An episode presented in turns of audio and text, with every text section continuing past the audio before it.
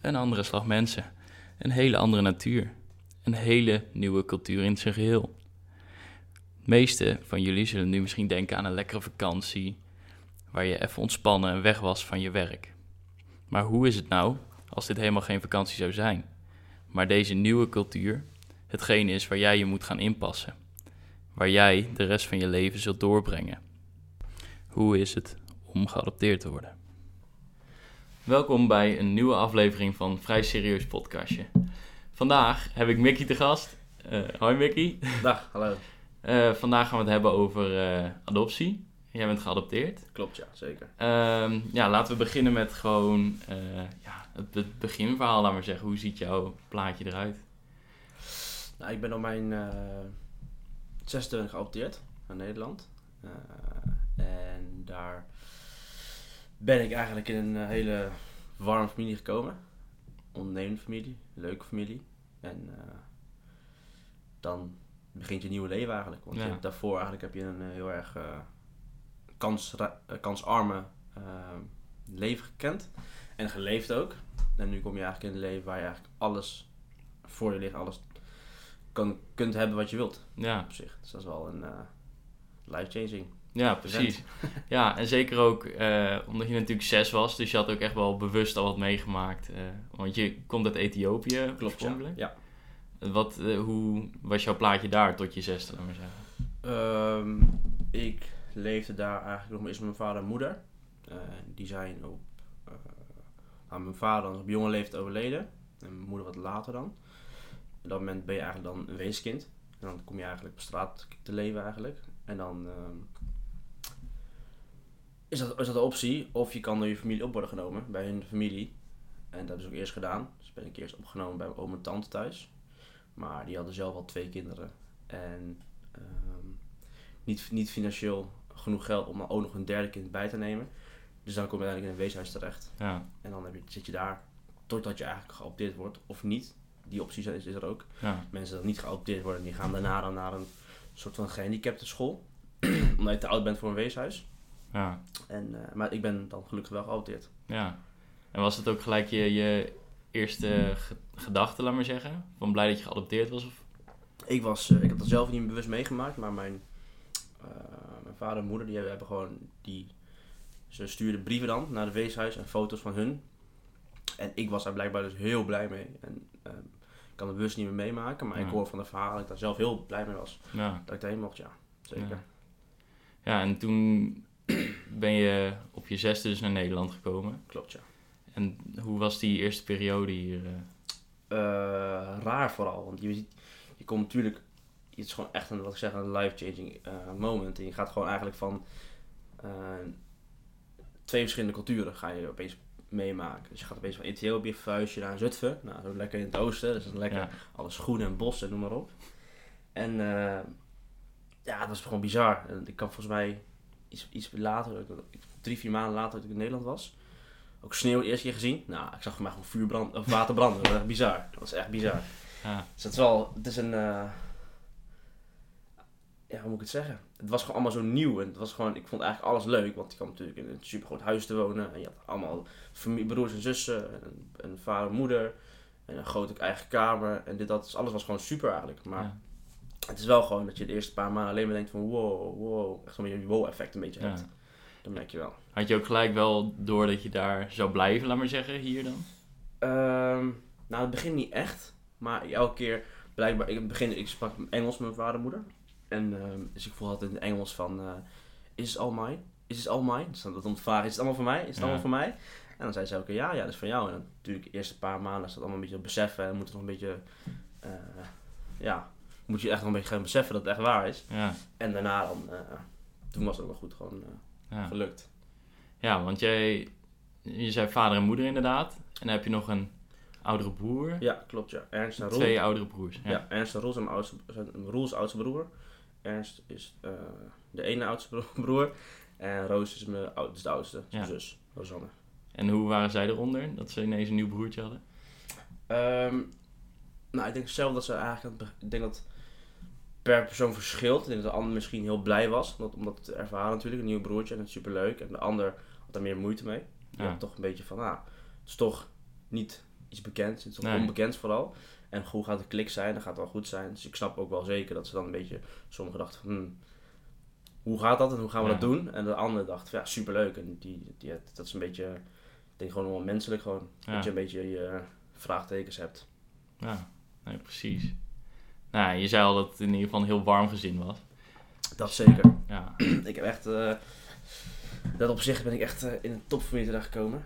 ja. Gewoon een warm gezin en superleuk. En dan dag en nacht voor me klaar. Wanneer ik bel, noem maar op. Dus dat is echt eh, beter dan niet kunnen wensen. ja. En dan ga je op een gegeven moment ga je naar school. En toen, toen leerde ik je ook via mijn broertje kennen. Klopt, ja, Jisk, ja. Ja. Ik ken daar nog wel mooie verhalen van. eh, dat, dat Jiske op een gegeven moment thuis kwam eh, met het verhaal van... Ja, er is een nieuw jongetje in de klas en eh, ja, die valt de hele tijd in slaap. dat was echt... toen had ik ook echt zo'n beetje van... Oké, maar waarom dan? Ja, nou, hij is geadopteerd en dit en dat. Maar dat was... Dat had je veel in het begin, hè? Dat je gewoon in slaap viel. Ja. Je, had, je, had, je had gewoon andere eh, uren die je maakte. Natuurlijk in Ethiopië. En hier kom je dan, maak je lange dagen, begin je acht uur en dan ben je twee uur zo klaar, drie Ja. uur of zo. En dan na de lunch was gewoon standaard gewoon dat dan een beetje zo weg aan het duffen was. En daarna was gewoon, oké, fuck it, ik ga gewoon slapen. Ja. en dan ging ik slapen ook gewoon. Ja. ja, want hoe lang was je in Nederland toen je naar de basisschool ging? Eh, best recent. Ik was denk ik... ik denk al echt na een maandje of twee, drie. Ben Ja. ik direct op school gegaan. Want sprak je toen eigenlijk al Nederlands? Ik ben eh, echt na, wat is het, drie maanden of zo, twee maanden, sprak ik bijna vloeiend Nederlands. Ja. Ja. dat was echt, maar mijn moeder me geholpen. Die heeft, eh, die heeft gewoon hele dagen door alleen maar boekjes open lezen, boekjes, eh, boeken geven aan mij. En dat Ja. heeft toch wel echt mijn eh vocabulaire uiteindelijk echt wel eh, bevorderd. Ja. Ja, zeker. Ja, en toen, hoe, hoe was dat dan voor jou, die, die basisschool? Was het gelijk ook zo warm als je familie of was het toch lastiger? Ja, dat is toch wel lastig, want je bent toch wel eigenlijk, je merkt aan het begin, merk je, heb je niet echt door, maar langzaam kom je erachter dat je toch anders eh, eruit ziet dan de rest. Tuurlijk, Ja. dat, dat moment ga je echt wel beseffen. Maar ik had gelukkig nog wel mijn Roel en Ernst als broers Ja, eh, op school zitten. En, ehm, of alleen Ernst volgens mij. En dat is toch wel een beetje een klik, dat je- de klik met iemand die je toch al had. Ja. En zijn vrienden, dus die gingen ook al gewoon goed met mij om. En daarna maakte ik zelf natuurlijk wat je zegt met Jisk en zo, en Baybars en Jean-Louis. En al die jongens die nog steeds zin om mee gaan. Daar heb je gewoon, beter tot, tot dag van vandaag nog steeds vrienden mee. ja, En dat was toch een beetje het, het groepje wat mij eigenlijk wel echt eh, in het, in het eh, opnam eigenlijk. ja, Dus dat heeft mij qua eh, basisschool toch wel best, best wel geholpen, denk ik. ja, Dat je daar als een bepaalde jongens je toch wel onder je vleugels nemen daar. ja. Zijn En heb je verder ook nog mensen gehad die er minder goed op reageerden, waar, die het echt wat lastiger gemaakt hebben? Ja, zeker. De individuen zijn altijd. Je hebt altijd Ja. mensen die niet, die niet eh, ook volwassen hoor. Dus gewoon leer, Ja. leraren die dan niet eh, het, ja, het gewoon apart vinden of niet kunnen accepteren. Of bepaalde redenen dat ze ook mogen hebben. Maar daar liet ik me eigenlijk eh, soms wel door meetrekken. Ja, Maar af en toe dan. mijn moeder zat altijd achter mij. Dus ik had. Ja. Maar niet wat ik deed of wat er gebeurde. Dus dat toch wel. Dat, dat wist dat ik goed was. Ja. Op dat moment. Dus dat, sch- dat scheelt. ja en, en op wat voor manier liet je je dan meetrekken? Je, dus ook kat en kwaad gaat uithalen. Terug naar, zo'n, naar een leraar. Ja, dat je dus expres niet gaat luisteren naar de leraar. Of dat je het naar andere kinderen juist naarder gaat doen. Omdat die Ja. juist het minder met je hebben of zo. En dat is zeker niet goed. Nee. Maar het is wel menselijk. Ja, het is nee, heel, heel erg menselijk. En ik ben- moet zeggen dat ik daar best wel eh basisschool niet echt heel veel moeite mee had gehad, gelukkig. Dus Ja. dat scheelt. En eh, ja, dat is. Ja. Ja. Ja, en dan op een gegeven moment, dat, dat vroeg me ook behoorlijk af, van... Op een gegeven moment ga je naar de middelbare school. Ja, En dan begint, net zoals voor iedereen, de puberteit een beetje. klopt ja. En ehm dan heb je best wel vaak dat kinderen zich meer wat gaan afzetten richting de ouders en zo. Oh zeker. Wa- Ja. Was dat voor jou ook? Dat begon denk ik mij al vroeger. Nog vroeger, ja. Ik was eh, voor de puberteit al bezig, jazeker. ja. Maar niet zozeer afzetten naar mijn ouders, maar wel gewoon al een beetje je eigen, je eigen wil creëren. Dus Ja. van, ik, ik, ik fix het allemaal wel alleen. En eh, ik ben Ja. alleen gekomen in de wereld en alleen zul je gaan. Beetje zo'n gedachte. Ja, dat zijn maar natuurlijk niet slim, want dat, dat is gewoon niet zo. nee. Maar het is wel, omdat je dan zo jong al voor jezelf zorgt, ga je een beetje eh, denken van, ik heb niemand nodig, Ja. ik doe het wel alleen. Maar dat is natuurlijk niet eh, de realiteit. Nee, nee. En je moet wel zeggen dat je uiteindelijk, de middelbare school. Alle jongens gingen natuurlijk naar Bradjes of iets Ja. of zo. Ja. Nou, ik kon daar helaas niet heen. Nee, nee. Door bepaalde redenen. En uiteindelijk eh, ben ik naar school in Apeldoorn gegaan. En daar eerst twee jaar gezeten. En daar merkte je wel dat het wel een ander leven was. Ja. toch wel, eh, dan merkte je wel dat het woord racisme toch wel bestaat. Ja. In dat opzicht. Zeker. Ja, want dat, je had natuurlijk een hele veilige kring, laat maar zeggen, Ja, opgebouwd. In Nou, zeker. en dan, ja, wat je zei, van je zette je misschien zelf een beetje af, maar verder was iedereen omheen, wist je wel dat je daarop terug kon vallen Zeker, natuurlijk. zeker ja. En dan kom je ineens in zo'n hele nieuwe situatie terecht. Ja. En op wat voor manier uitte het racisme zich dan, zoals je zei? Ja, het zijn kleine dingen, maar kleine dingen die eigenlijk gewoon onbewust bij mensen ingeslepen zitten. Het zijn Ja. hele, eh, ik ga niet, ik ga specifiek mensen noemen of Nee, ook, maar het is wel zo'n hele kleine onbewuste dingen wat mensen doen, wat je toch best- best wel kwetst als mens. Ja, En ik heb altijd gedacht van, nou, ik ga er boven staan en ik ga er niet op reageren.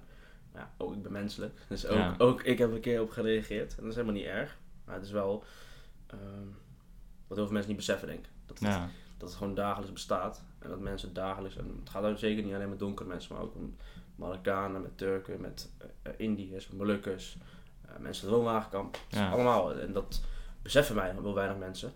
Maar eh, het is er degelijk wel. ja. Ja. Nou ja, dat, is, weet je, dat, dat weet ik ook van mezelf. Van, het zit er gewoon een soort van ingeslepen, ook al wil je het helemaal niet. En ik ben ook helemaal niet opgegroeid in, met ook maar iets van racisme. Maar Nee. toch is het omdat je in deze samenleving Hmm. zit. Ja.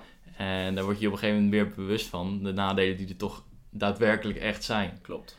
En ik denk dat zeker, nou ja, zeker natuurlijk op het moment dat je het hebt over eh, puberteit en middelbare school. Dat er een heleboel jongeren ook zijn die denken van ik moet me bewijzen. Wat is een makkelijke manier om de lachers op mijn hand te krijgen. Ja, precies dat ja. Ja, en dan Pak, je, pak je de minderheden. Klopt, man, dat ben ik helemaal mee eens. Ja. Dat is wel echt, eh, dat is hoe de, samenleving gewoon werkt. Ja, Dat is echt zo. Maar gelukkig ehm, zijn er ook mensen die het niet zo denken.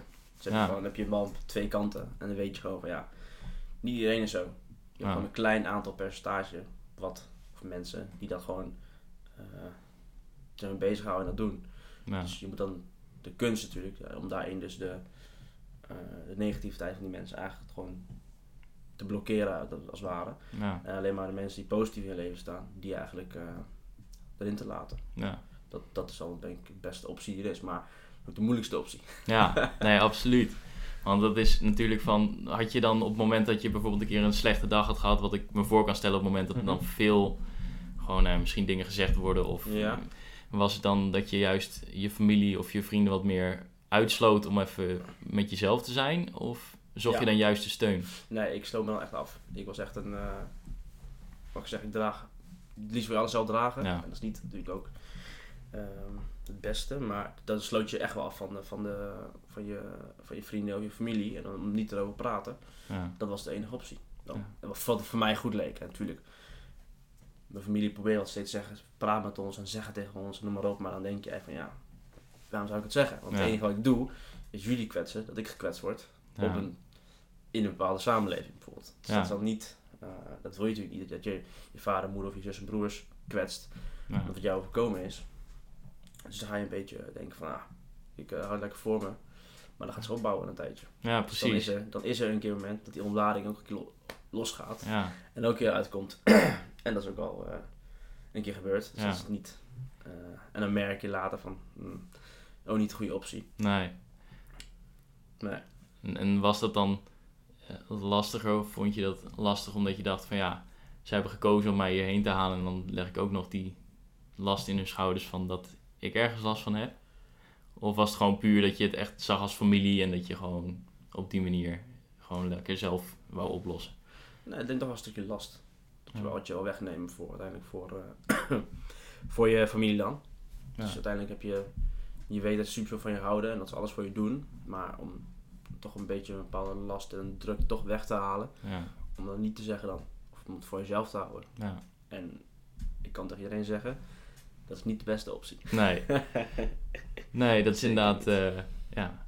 Nou, maar dat is mooi dat je wel, dat is wel mooi dat je daar ook achter komt, weet je. Dat is, daar moet je op een gegeven moment ook achter komen. Ik denk dat iedereen van zichzelf wat meer heeft van, ik los zelf op. En dat, eh, dan heeft minder mensen er last van. Maar uiteindelijk heb je er misschien wel meer mensen mee als je dat Ja, dat, dat, dat denk ik dus ook. Maar ik moet ook eerlijk zeggen, ik ben ook nog lerende. Ik was Ja, een leerproces. Ik ben alsnog ook bezig om dat langzaam toch mensen mee te gaan nemen in eh, je emoties en je gevoelens. En toch alles te gaan delen. Om toch wel een bepaalde om, eh, rust in jezelf, of een bepaalde rust in jezelf te gaan Ja. creëren. Maar ja. Ja, dat is denk ik wel. eh, dat is het. Ja.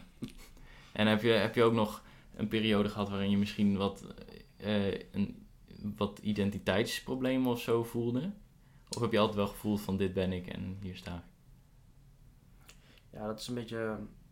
Je hebt altijd een beetje de vraag van. ehm identiteit is denk ik niet echt bij, bij mij geweest, denk ik. Misschien ook wel. Maar meer van.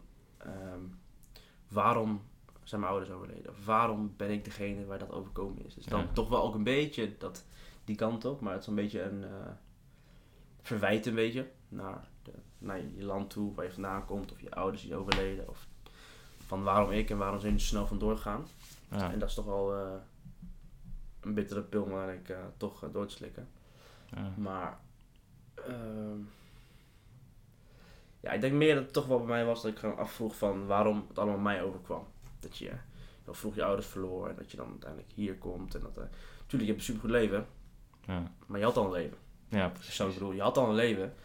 En dat is Ja. eigenlijk gewoon, eh, dat dat is gewoon kapot gegaan, dat leven. En je bent een nieuw leven gaan beginnen. Ja. En op jonge leeftijd denk je er niet over na.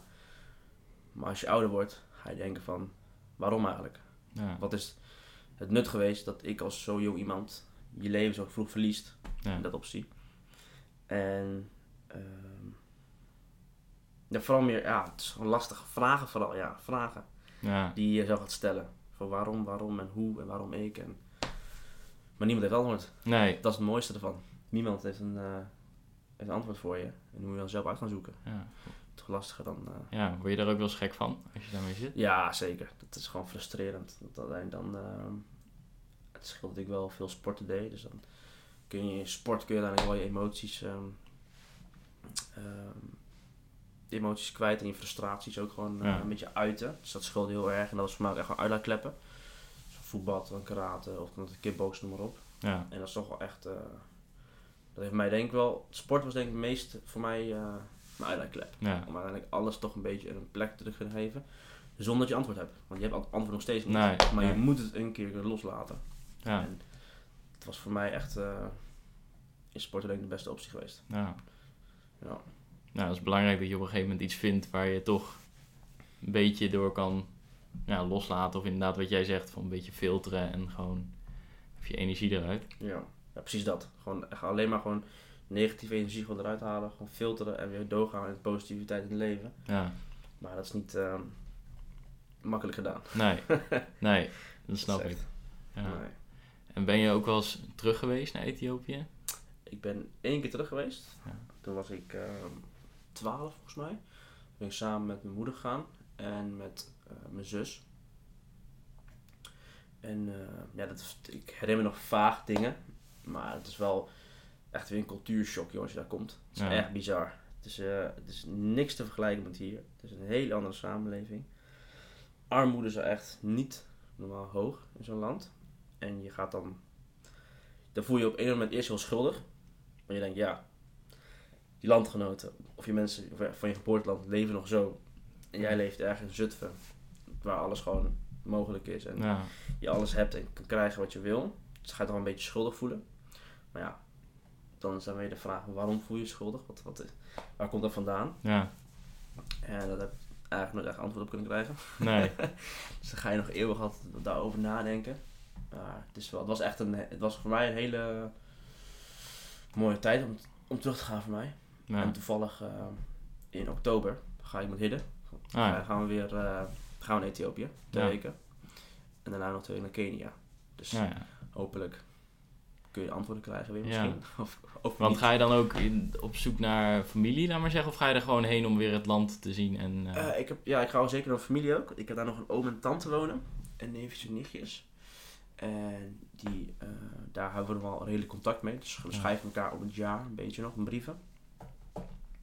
Dus die gaan we dan eh, zeker bezoeken. ja, En ook hopelijk eh, misschien een band weer op kunnen bouwen. ja, Misschien, die je eigenlijk misschien al had je hele leven, maar eigenlijk een beetje verwaterd is of nooit eigenlijk echt heb kunnen bouwen. Ja, je zit toch bij het uh, 8000, ki- Ja. 10.000 kilometer van elkaar vandaan. En ehm, dus dat hoop ik zeker. En misschien ook nog dingen meenemen voor hun daar, wat voor hun misschien het leven makkelijker maakt. Ja. Dat, eh, dat zou zeker leuk zijn voor mij. En zou je dat dan doen omdat je daar zelf dan minder schuldig over zou voelen als je dan je familie toch iets teruggeeft of zo? Of? Ja, grappig dat je zegt. Ja, dat is onbewust misschien, eh, misschien wel ja. Onbewust toch wel een beetje je, dat je je toch schuldig voelt. En dan ga je maar in materiële dingen, dingen teruggeven. Ja. Om maar een beetje je eigen, het is alleen voor mezelf hè, mijn Ja. eigen schuldgevoel een beetje weg te krijgen. Terwijl hun, hun, hebben, dat, zij, hun hebben dat helemaal misschien niet. Nee. Dus dat, ze, dat, ze, dat, ze- dat ze dat zo mij, eh, dat ze mij ergens van beschuldigen. Maar misschien is het bij een jaloezie, dat misschien Ja. eh, toch wel is. En dan hoop ik dat ik daarmee toch een beetje, ja, hoe moet ik zeggen? Dat je toch een beetje eh, je schuldgevoel een beetje weg kan poetsen. Ja. Als dat überhaupt kan. Ja. ja, maar het is natuurlijk ook een lastige situatie. Want aan de ene kant eh, heb je waarschijnlijk zoiets van ja, ik ben blij dat zij gewoon een familie hebben, laat maar zeggen. En zij zijn nog, zij hebben hun leven wel behouden, laat maar zeggen. Zoals wat je er straks aangeeft, dat jij, uit- waarom moest jij per se een tweede leven krijgen? Dus ja, ja, zeker. Dat, wat dat betreft hoef je je daar dan niet schuldig over te voelen. Nee. Maar dat is wel zo. ja, het werkt natuurlijk twee kanten op en dat is het lastige eraan. Mhm. Eens. Zo werkt het zeker, ja. Ja. Het werkt zeker twee kanten op.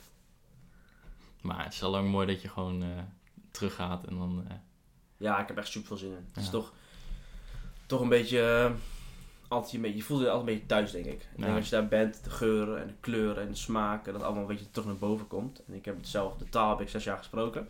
Helaas ben ik het verleerd, maar ik hoop dat ik, als ik terug ga, dat ik toch een beetje weer wat geleerd heb. ja, Ook in de taal, de cultuur ook zeker. Dus dat gaat denk ik een hele mooie, hele mooie trip worden, die Ja. kant op. vast. Zeker. En is er nog iets wat je mee zou willen geven naar misschien andere mensen die geadopteerd zijn? Of misschien gewoon iets wat jij geleerd hebt in, in een gezinvorm, wat dan ook. Want je, ik bedoel, jij hebt natuurlijk ook gewoon hier in Nederland een gezin. Ja, dat is zeker waar. 100%. En dat is voor mij ook gewoon het gezin, Ja, in dat opzicht. Maar dat ik mee kan geven, ja. Ik denk dat ehm, het echt het belangrijkste is, wat, wat je zegt, de meeste mensen gaan identiteitsproblemen krijgen. Dus wie ben ik? Waar kom ik vandaan? Wie zijn mijn ouders? Ehm, om dat gewoon te delen met, ja, je moet eventjes zo, je adoptieouders. ja, Dus de mensen die geadopteerd bent. Durf daar gewoon je kwetsbaar op te stellen. En dat is toch best wel lastig, want je bent al best wel een kwetsbaar kind. ja, Wat in een grote boze wereld komt eigenlijk. ja, En ja, je gaat gekwetst worden in deze wereld, 100%. Je- En dat is niet erg, want dat is gewoon normaal. ja, Maar de kunst daarvan is om uiteindelijk wel, al is het je vader, of alleen je moeder, of je broers of zussen, misschien wel je beste vrienden, om daar toch je pijnpunten in, in de wereld toch te gaan delen. ja, Het is alles heel simpel, maar ik voel vandaag echt ruk tegen iemand te zeggen. ja, Dat is dan het begin. Dat is echt dat is een klein stapje, wat ik heel moeilijk vond, ja, namelijk. eh, ik ben pas 23, echt niet alsof ik heel, heel mijn leven al eh, heb eh, gezien, maar ik heb wel veel meegemaakt en ik weet hoe een beetje hoe het speelt, hoe het spelletje gaat een beetje. Ja. In dat opzicht tenminste. tenminste. En ja, durf te delen. ja, Durf gewoon je emoties te openen. Durf gewoon tegen je ouders te zeggen: Het gaat slecht op school. Ik voel me kut. Alles, alles wat je wil, kan je gewoon zeggen. ja, Maar er is een beetje een bepaald drempel of zo, mensen niet overheen willen stappen. ja, En ik zeg: Doe het. ja. Maakt je leven echt beter. Ja. ja, dat is inderdaad ook wel nog een mooi om te zeggen. Want ik heb jou natuurlijk gevraagd of je dit wou doen voor de podcast. Zeker. En jij gaf ook echt aan van ja, eh, oké, ja, vind ik lastig, maar we gaan het wel doen. Ja, Gewoon- zeker. Het is voor mij ook gewoon een stukje ontwikkeling. Ja, en ik vind dat wel een hele mooie van je, ook nu je dit zegt zo. En ehm, het zijn gewoon stappen die je maakt om uiteindelijk naar een beter zelf te gaan. Eens. En jij deelt nu je verhaal en je weet niet hoeveel mensen het gaan horen, maar je hebt het wel gewoon verteld. En dat vind ik gewoon heel sterk, dat je gewoon zei van oké, ik vind het lastig, maar we gaan het doen. We gaan het gewoon knallen. Bedankt man. Dus eh, ja, hartstikke bedankt dat je te gast zou zijn. Geen probleem. En bedankt voor je verhaal. Bedankt voor het luisteren naar een vrij serieus podcastje. Wil je nou op de hoogte blijven van wanneer de nieuwe afleveringen online komen? Druk dan even op volgen. Verder kun je mij volgen op @jhogeboom op Instagram. Hier kun je al je vragen stellen die je hebt of misschien opmerkingen achterlaten. Tot de volgende aflevering.